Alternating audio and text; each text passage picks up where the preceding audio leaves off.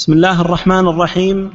الحمد لله رب العالمين والصلاة والسلام على أشرف الأنبياء والمرسلين نبينا محمد وعلى آله وصحبه أجمعين. أما بعد فقال الشيخ حافظ الحكم رحمه الله تعالى في معارج القبول وبعد هذا وبعد وبعد. هذا رسله قد أرسل رسله رسله قد أرسل. وبعد هذا رسله قد أرسل لهم وبالحق الكتاب أنزل. كتاب أنزل.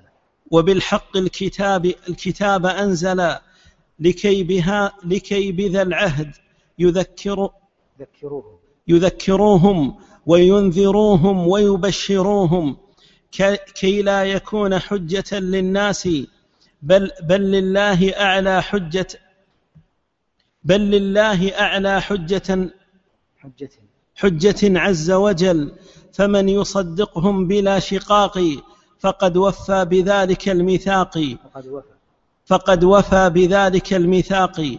وذاك ناج من عذاب النار وذا وذلك الوارث عقب الدار. ومن بهم وبالكتاب كذب ولازم الأعراض ولازم و ولا نعم. ولازم الإعراض. ولازم الإعراض عنه والإباء. فذاك ناقض كلا العهدين. ذاك ناقض. فذاك ناقض كلا العهدين. ناقض. فذاك ناقض كلا العهدين مستوجب للخزي في الدارين. نعم. وبعد هذا أي الميثاق الذي أخذه عليهم في ظهر أبيهم ثم فطرهم وجبلهم على الإقرار به وخلقهم شاهدين به رسله بإسكان السين للوزن مفعول أرسل مقدم وقد أرسل قد أرسل قد أرسل. قد أرسل بألف الإطلاق لهم أي إليهم وبالحق متعلق بأنزل أي بدين الحق. الكتاب جنس يش يشمل جميع الكتب المنزلة على جميع الرسل. أنزل أنزل. أنزل بألف الإطلاق. والأمر الذي أرسل الله تعالى به الرسل إلى عباده وأنزل عليهم به الكتب هو لكي بذا, العهد. الميثاق الأول يذكروهم تجديدا له وإقامة لحجة الله البالغة عليهم وينذروهم عقاب الله إن هم عصوه ونقضوا عهده ويبشروهم بمغفرته ورضوانه إنهم وفوا بعهده ولم ينقضوا ميثاقه وأطاعوه وصدقوا رسله. نعم و- في هذا رحمه الله يقول وبعد هذا أي بعد الميثاق رسله قد أرسل أي أن الله تعالى أرسل الرسل بعد أن أخذ على العباد الميثاق. بما أرسلهم؟ أرسلهم بالحق. والكتاب أنزل أي أنزل الكتب عز وجل فأنزل الله الكتب وأرسل الرسل عليهم الصلاة والسلام لكي بذا العهد يذكروهم أي ليذكروهم بعهد الله الذي أخذه عليهم وينذروهم. الظاهر الظاهر أنها حتى يستقيم البيت لكي بذا العهد يذكروهم وينذروهم ويبشروهم. يعني البشارة تكون بالتخفيف حتى يستقيم الوزن. الذي يظهر لكي بذا العهد يذكروهم وينذروهم ويبشروهم فيه انكسار. فالذي يظهر لكي بذا العهد يذكروهم وينذروهم ويبشروهم هذا الذي يظهر لأنه يكون أسلم للبيت. لماذا؟ لكي لا يكون للناس على الله الحجة بل لله تعالى الحجة كما سيأتي. نعم. والحكمة في ذلك لكي لا يكون حجة على الله عز وجل للناس بل لله على جميع عباده أعلى حجة أبلغها وأدمغها. عز سلطانه وجل شأنه. عز سلطانه. وجل شأنه. عن أن يكون لأحد عليه حجة. كما قال تعالى لنبيه محمد صلى الله عليه وسلم وهو خاتم الرسل والمصدق لما جاءوا به وكتابه مصدق لما بين يديه مما معهم من الكتاب ومهيمن ومهيمن ومهيمن عليه. انا اوحينا اليك كما اوحينا إلى نوح والنبيين من بعده واوحينا إلى إبراهيم واسماعيل واسحاق ويعقوب والاسباط وعيسى وايوب ويونس وهارون وسليمان واتينا داود زبورا ورسلا قد قصصناهم عليك من قبل ورسلا لم نقصصهم عليك وكلم الله موسى تكليما رسلا مبشرين ومنذرين لئلا يكون للناس على الله حجة بعد الرسل وكان الله عزيزا حكيما. وقال تعالى لنبيه صلى الله عليه وسلم قل يا أيها الناس إنما قل يا أيها الناس إنما أنا نذير إنما أنا لكم نذير مبين. فالذين آمنوا وعملوا الصالحات لهم مغفرة ورزق كريم. والذين سعوا في آياتنا معاجزين أولئك أصحاب الجحيم. وقال تعالى له صلى الله عليه وسلم انا ارسلناك شاهدا ومبشرا ونذيرا وداعيا إلى الله باذنه وسراجا منيرا. وبشر المؤمنين بان لهم من الله فضلا كبيرا. وقال تعالى له إن أنت إلا نذير. وقال تعالى قل إنما أعظكم بواحدة أن تقوموا لله مثنى وفرادا ثم تتفكروا ما بصاحبكم من جنة إن هو إلا نذير لكم بين يدي عذاب شديد. وقال تعالى فاتقوا النار التي وقودها الناس والحجارة أعدت للكافرين. وبشر الذين آمنوا وعملوا الصالحات أن لهم جنات تجري من تحتها الأنهار وغير ذلك من الآيات التي يخبر الله تعالى فيها أنه ما أرسل من رسول إلا داعيا إلى عبادة الله عز وجل لا شريك له والكفر والكفر بما سواه من الأنداد ومبشرا لمن صدقه وأطاعه بالجنة ونذيرا لمن كذبه وعصاه من النار. ثم أخبر تعالى أن المراد بذلك لئلا يكون للناس على الله حجة بعد الرسل. وقال تعالى قل فلله الحجة البالغة لا شك أن لله تعالى على عباده الحجة وأنه لا يمكن أن يأتي أحد يكون له على الله تعالى حجة حجة الله أبلغ وأعظم. ولا يمكن أن تغلب حجة رب العالمين. لهذا أخذ عليهم العهد. سبحانه. فطرهم الفطرة السوية. أرسل إليهم الرسل. أنزل عليهم الكتب. ثم إذا خرجوا عن موجب ما أمرتهم به الرسل وأتوا في القيامة فإنهم يأتون بلا حجة. لهذا قال تعالى رسلا مبشرين ومنذرين لئلا يكون للناس على الله حجة. لئلا يكون للناس على الله حجة بعد الرسل. ففي الآية دلالة على أن الرب عز وجل إنما يقيم الحجة بالرسل عليهم الصلاة والسلام. وأن ما يدعيه المتكلمون من المعتزلة وأضرابهم كمن تشبث ببعض مقولاتهم كالأشعرية ونحوهم من أن الأمر يرجع إلى مجرد النظر العقلي فإن قولهم باطل كل البطلان. لأن الله تعالى يقول لئلا يكون للناس على الله حجة بعد الرسل. ويقول سبحانه وما كنا معذبين حتى نبعث رسولا فالأمر معلق بالرسالة ليس معلق بما يسمونه عقلا وهو هوى اتبعوه ما أنزل الله تعالى به من سلطان. فالحاصل أن الأمر إنما يتم بحجة الله البالغة بالرسل عليهم الصلاة والسلام. ولهذا كان أشرف شيء يتقرب به إلى الله تعالى هو العلم الشرعي لأنه هو الإرث الذي ورثه العلماء من الرسل عليهم الصلاة والسلام ثم نشروه وبهم تقوم الحجة على الناس. الرسل انقطعت الرسالة بوفاة النبي صلى الله عليه وسلم. من يقيم الأمر بعد النبي صلى الله عليه وسلم؟ إلا الدعاة إلى الله تعالى على بصيرة من أهل العلم ولزوم السنة. لهذا قال الله تعالى ومن أحسن قولا ممن دعا إلى الله وعمل صالحا وقال إنني من المسلمين فيكون على بصيرة من أمره ويدعو إلى الله تعالى فهذا لا شك أن عمله هو أعظم العمل إذا كان مخلصا لله عز وجل. وبهم تقوم الحجة فينشر الأمر للعرب بكلام العرب. لغير العرب من العجم بألسنتهم. فينتشر الإسلام وتظهر حجج الله أو أن تقوم الحجة على من عاند وأبى. نعم. وتقدير البحث في الرسالة واتفاق الرسل في دعوتهم يأتي في باب في بابه إن شاء الله عز وجل. فمن يصدقهم يعني الرسل بلا شقاق تكذيب ولا مخالفة فقد وفى لربه عز وجل بذلك الميثاق العهد الأول وهؤلاء هم القليل من الثقلين ولكن هم جند الله الغالبون المنصورون في الدنيا وحزبه المفلحون الفائزون في الآخرة.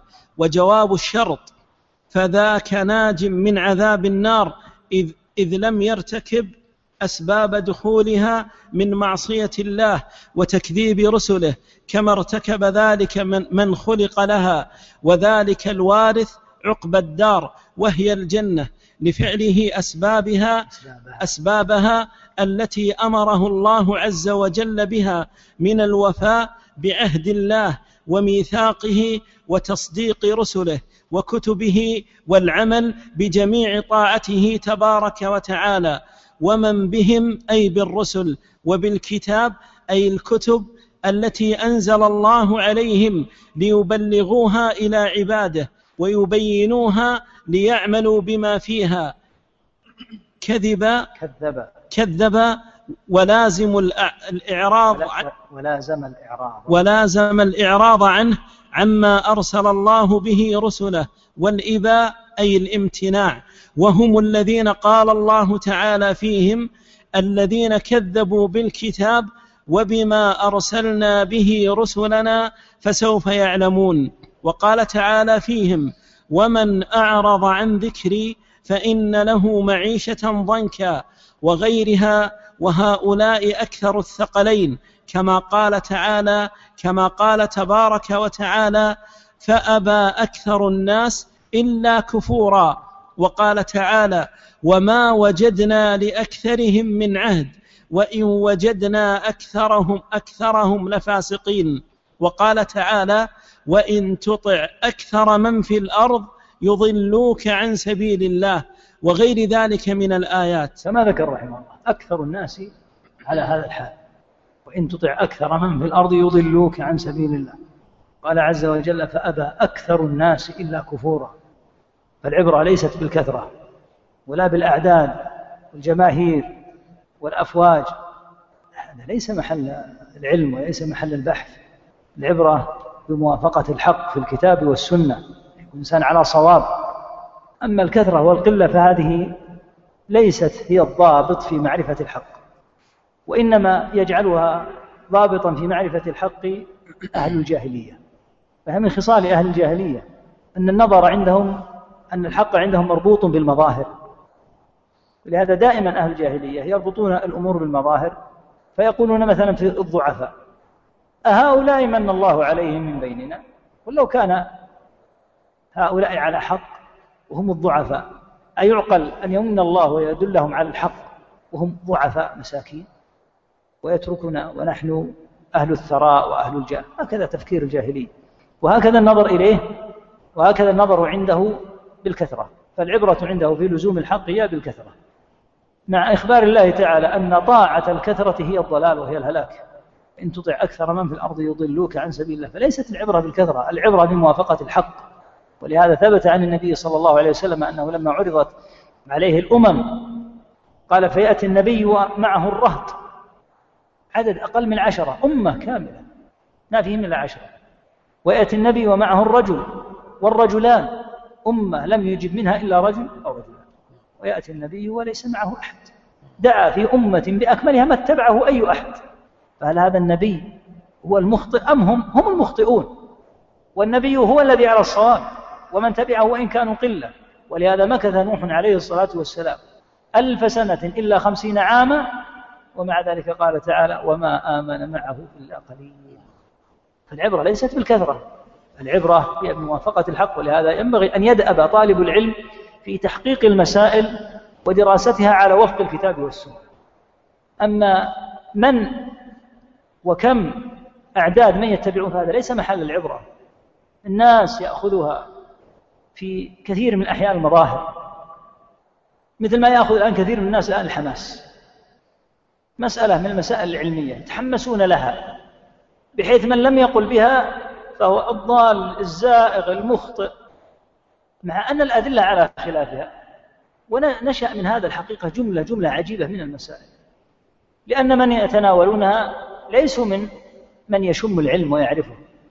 فمثلا قتل النفس لا يحل والنصوص في هذا جلية ظاهرة جدا جدا مثل الشمس. وإخبار الله عز وجل بعقوبة وإخبار النبي صلى الله عليه وسلم أيضا بعقوبة من يقتل نفسه هي في القرآن والسنة. ثم تأتي مسألة من مثلا يفجر نفسه ليقتل غيره. هذه المسألة التي جدت ما كانت معروفة في المسلمين. تجد أن عند بعض الناس شيء من التحمس الشديد جدا لهذه المسألة بحيث إذا قلت إنه لا يجوز وهو الحق الذي يجب أن يشار به لا يحل هذا. كيف أفتي إنسانا يأتي في القيامة في رقبتي أقول ضع هذا الحزام الناسف وأقتل نفسك؟ حتى لو قتل مئة ألف لو قتل أمة بأكملها من أم الكفار لا يجوز هذا الأمر. هذا الأمر العلمي لأن النبي صلى الله عليه وسلم أعطاك قاعدة من قتل نفسه بشيء عذب به. وقال من تحسى سما فهو يتحساه في نار جهنم خالدا فيها. كيف أقتحم هذا النص؟ وقوله عز وجل ولا تقتلوا أنفسكم إن الله كان بكم رحيما ومن يفعل ذلك عدوانا وظلما فسوف نصليه نارا. كان ذلك على الله يسيرا. كيف أقول أنه يجوز؟ مع هذه النصوص. إذا لم تقل إنه يجوز فلأن الأمور الآن صارت تؤخذ بالحماس لا بالعلم مثل ما أنها تؤخذ بالكثرة لا بالقلة. صارت هذه الأمور الآن عند كثير من الناس على هذا الحد. إما أن تقول بهذا الكلام وإلا فأنت فيك كذا وكذا وإن قلت ما قلت. لا يدخل الإنسان في ذمته مثل هؤلاء الذين يقتلون أنفسهم يفتيهم لأن الناس يريدون أن يفتوا بهذا. هو لا يجوز ما يحل. أما مصيره في الآخرة فلا نخوض فيه نحن. قد يكون أفتاه أحد قرر به ضلله ظن أنه على صواب لأن فلانا أفتاه. نسأل الله أن يعفو عنه ويتجاوز عنه قطعا إذا فعل هذا بالكفار. أما أن يفعله بالمسلمين لا يحل يقينا. لكن مع ذلك المسألة العلمية هي هي لا يجوز. أما هو مصيره قد يكون غرا صغيرا أفتاه من ظن أنه من أهل العلم. والنبي صلى الله عليه وسلم يقول من أفتى بفتوى غير ثبت فالإثم على من أفتى كما قال صلى الله عليه وسلم. فهذا إثمه على من أفتى.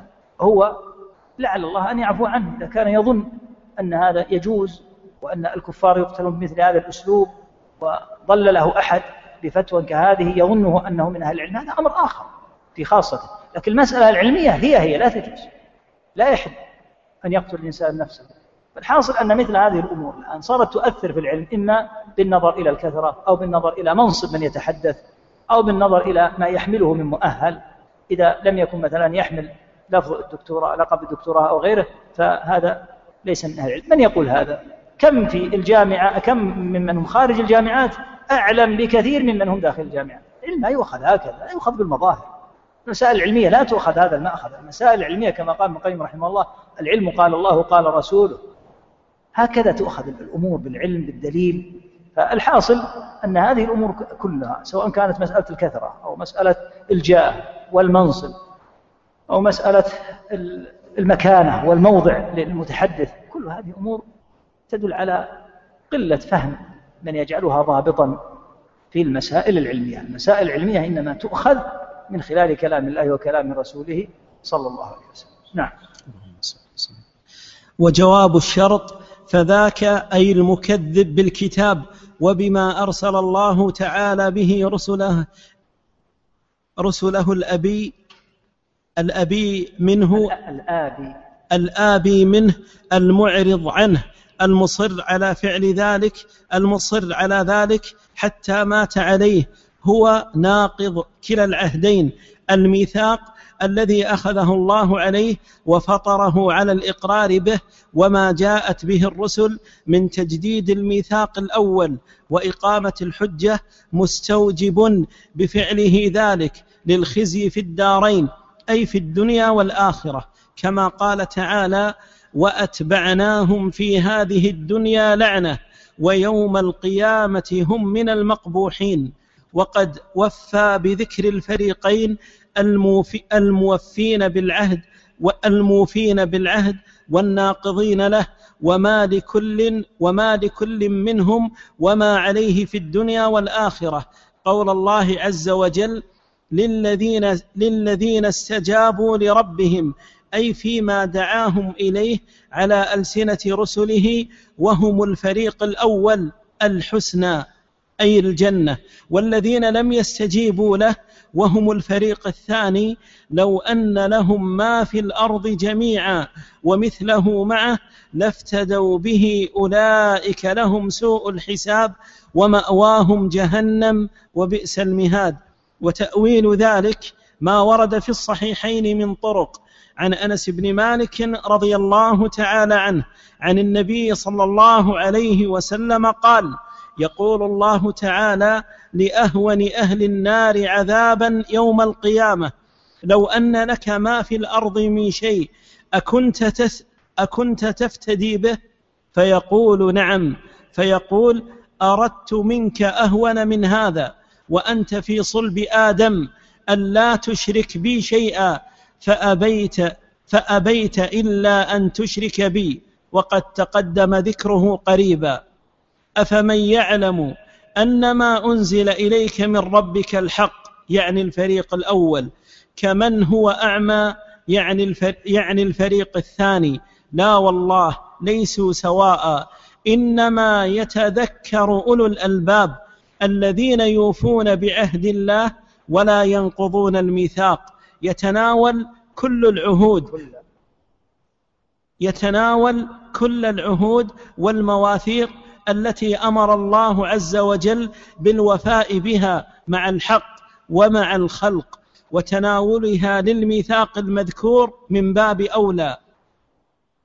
والذين يصلون ما أمر الله به أن يوصل من صلة الأرحام ومن الإيمان بالله ورسله وعدم التفريق بين أحد منهم ويخشون ربهم ويخافون سوء الحساب والذين صبروا. على قدر الله وعلى ملازمة طاعته وعن معصيته. يريد رحمه الله تعالى التنبيه إلى أن الصبر ثلاثة أنواع. الصبر على قدر الله عز وجل المؤلم كوفاة الأحبة وإصابة الإنسان في ماله أو في نفسه. فيصبر على قدر الله تعالى. الثاني الصبر على طاعة الله كالصبر على أداء الفرائض من صيام وصلاه وحج ونحوها. والثالث الصبر عن معصية الله بأن يكف نفسه عما حرم الله تعالى. وإن كانت تميل إلى هذه المعصية فالنفوس تميل إلى بعض المعاصي تحبها لكن يكف نفسه عن هذا لأجل الله تبارك وتعالى. فهذه هي أنواع الصبر الثلاثة الصبر على طاعة الله والصبر عن معصية الله والصبر على أقدار الله المؤلمة. نعم.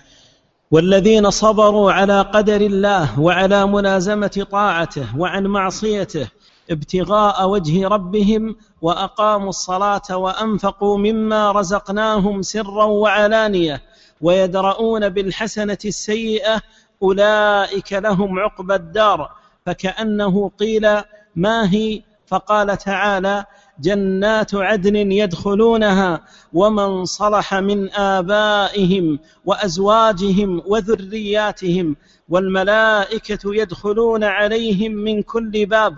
سلام عليكم بما صبرتم فنعم عقبى الدار. ثم ذكر الفريق الثاني بصفاتهم الس... بصفاتهم السيئة وبين جزاؤهم عليها وبين جزاءهم عليها والعياذ بالله تعالى. فقال تعالى والذين ينقضون عهد الله من بعد ميثاقه ويقطعون ما أمر الله به أن يوصل ويفسدون في الأرض أولئك لهم اللعنة ولهم سوء الدار. فسبحان الله وبحمده ما أبلغ ما أبلغ حكمته وأعدل حكمته. ما أبلغ حكمته حكمته وأعدل حكمه. ولا إله إلا الله والله أكبر. ولا حول ولا قوة إلا بالله العلي العظيم.